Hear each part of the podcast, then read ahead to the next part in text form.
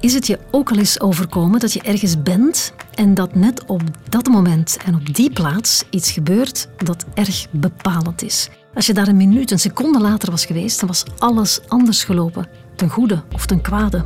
En dan zeggen we tegen elkaar, kan dit toeval zijn? Het toeval speelt een belangrijke rol in dit verhaal van Janne. Het speelt zich af op een vakantie in Spanje, toen ze zeven jaar oud was. En er is toen iets vreselijks gebeurd waar ze pas jaren later de ware toedracht van achterhaalde. Janne bracht haar verhaal op een live vertelavond van de podcast Relaas. Luister. Luister.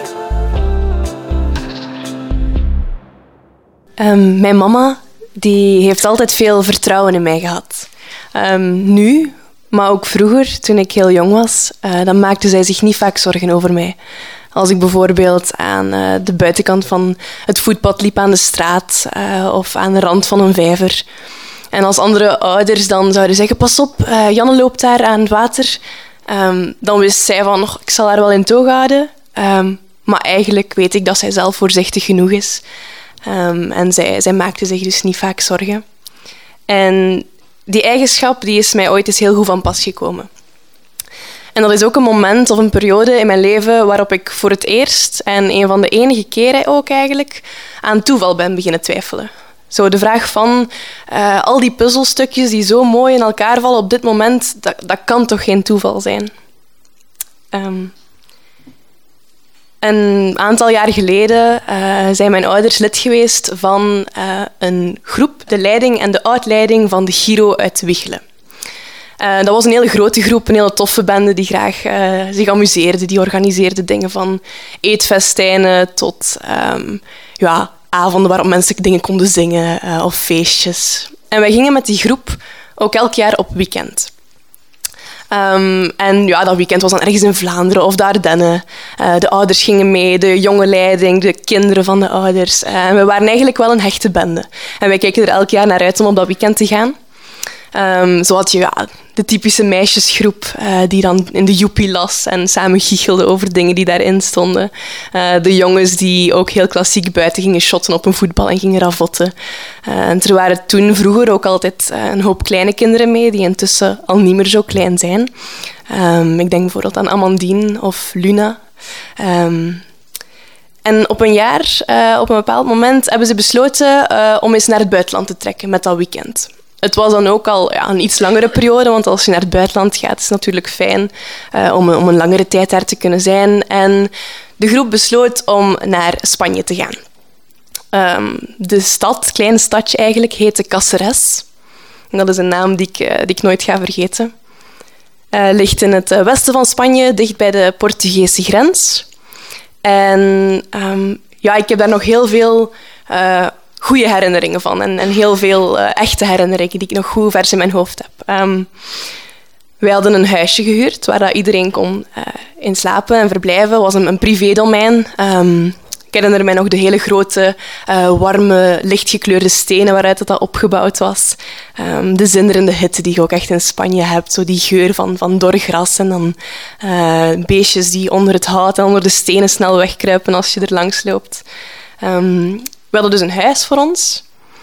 Naast het huis was er een terras waar we konden zitten, eten, drinken. Uh, en nog daarnaast, een beetje een terrasvorm, uh, was er een zwembad. We hadden een privézwembad. Super. Um, daar hebben we ook heel veel tijd gespendeerd.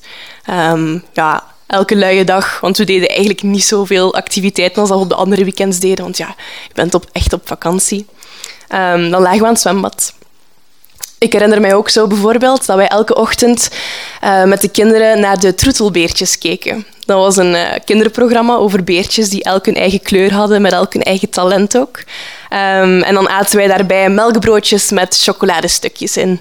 En dat waren eigenlijk twee dingen die wij thuis nooit echt mochten. Vandaar dat ik het mij zo goed herinner. Um, de broodjes aten we enkel als we op reis gingen en voor de middag televisie kijken mocht nooit. Uh, dus dat was een echt vakantiegevoel. Nu, op een avond, de avond van mijn verhaal, uh, besloot de groep om uh, te barbecuen. Heel gezellig, uh, ook weer heel klassiek. De mannen aan de barbecue in charge van het vlees en de vrouwen sneden de groentjes. Um, het was een heel gezellige avond. het was nog lang warm ook buiten, nog lang klaar ook.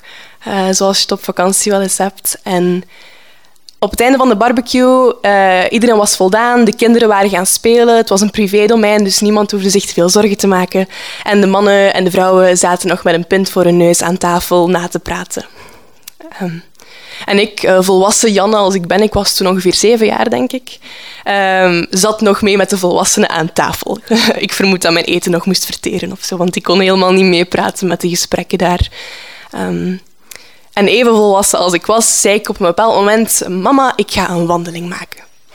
Um, ik had daar zin in, helemaal niet ver. Ik wou gewoon een toertje rond het huis doen. En ja, ze liet mij gaan, zoals ik al eerder zei. Ze had vertrouwen in mij. Um, ik stond recht, ik ging weg van de tafel en ik wandelde langs de omheining die zich tussen het terras en het zwembad bevond.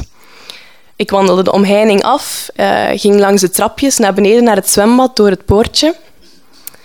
En ik deed een wandeling rond de rand van het zwembad. Het was een groot rechthoekig zwembad.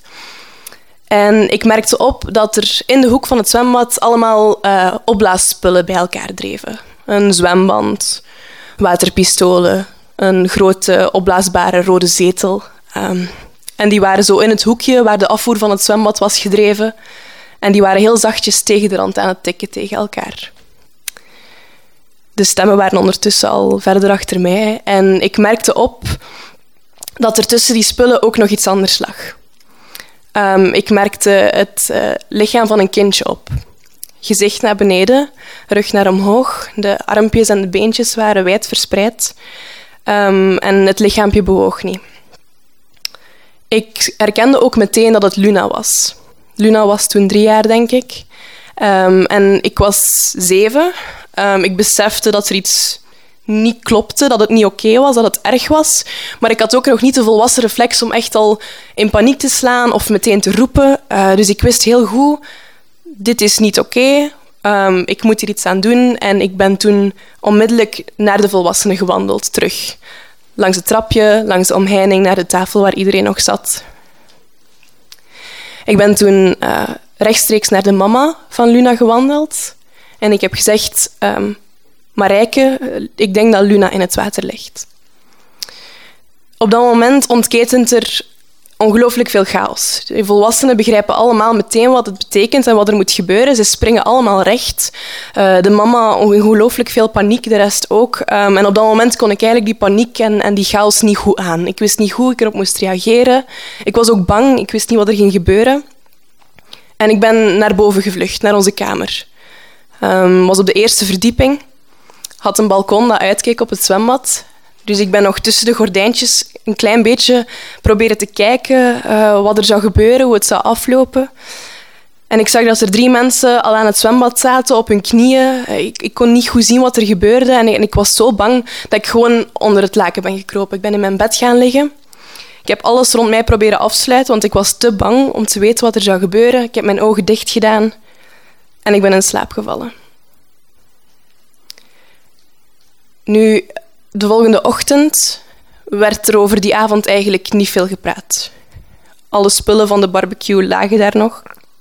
En zeker met de kinderen werd daar niet, niet over gecommuniceerd. Dat was niet de bedoeling. En um, jaren later heb ik altijd willen vragen aan mijn mama, want zij was er ook van heel dichtbij, wat er nu precies op die avond gebeurd was, hoe die verlopen was, hoe zij die ervaren had. Ik, ik wou de details weten. Maar elke keer als ik het er met haar probeerde over te hebben, dan merkte ik ook dat zij een krop in haar keel kreeg, dat zij uh, tranen in haar ogen kreeg. En ik wou haar dat ook niet aandoen om dat terug te herbeleven. Dus ik heb dat onderwerp ook een beetje gemeden. Ik denk dat ik 12 eh, of 13 was toen ik zei van mama, nu wil ik het weten. Nu wil ik echt dat je het mij vertelt. Het is nu al zoveel jaar geleden. Ik zou graag hebben dat je mij vertelt hoe die avond verder verlopen is. Um, en zij heeft gezegd, oké, ik, zal het u vertellen. We zaten toen in de keuken, denk ik, aan een klein tafeltje. En ik weet dat ik heel aandachtig geluisterd heb, omdat ik echt wel weet hoe die avond verlopen was. En zij heeft mij alles verteld. Zij is inderdaad samen met de andere volwassenen uh, opgestaan in paniek. Um, zij was heel gedecideerd, ook naar het zwembad uh, gelopen. Um, Marijke, de mama, heeft zelf Luna uit het water gehaald. Um, maar zij kon dat uit shock en uit paniek niet, niet lang vasthouden. Dus zij heeft het aan mijn mama gegeven. En mijn mama heeft het lichaam van Luna vastgehouden. En zij voelde hoe levensloos dat het lichaam was. Zij, zij, er gingen heel veel vragen door haar hoofd heen van... Uh, wat moet er gebeuren? Uh, overleeft ze het? Leeft ze nog? Um, wat, wat, moet er allemaal gedacht worden? Wat moet er gebeuren? Het waren heel veel doemscenario's eigenlijk in haar hoofd.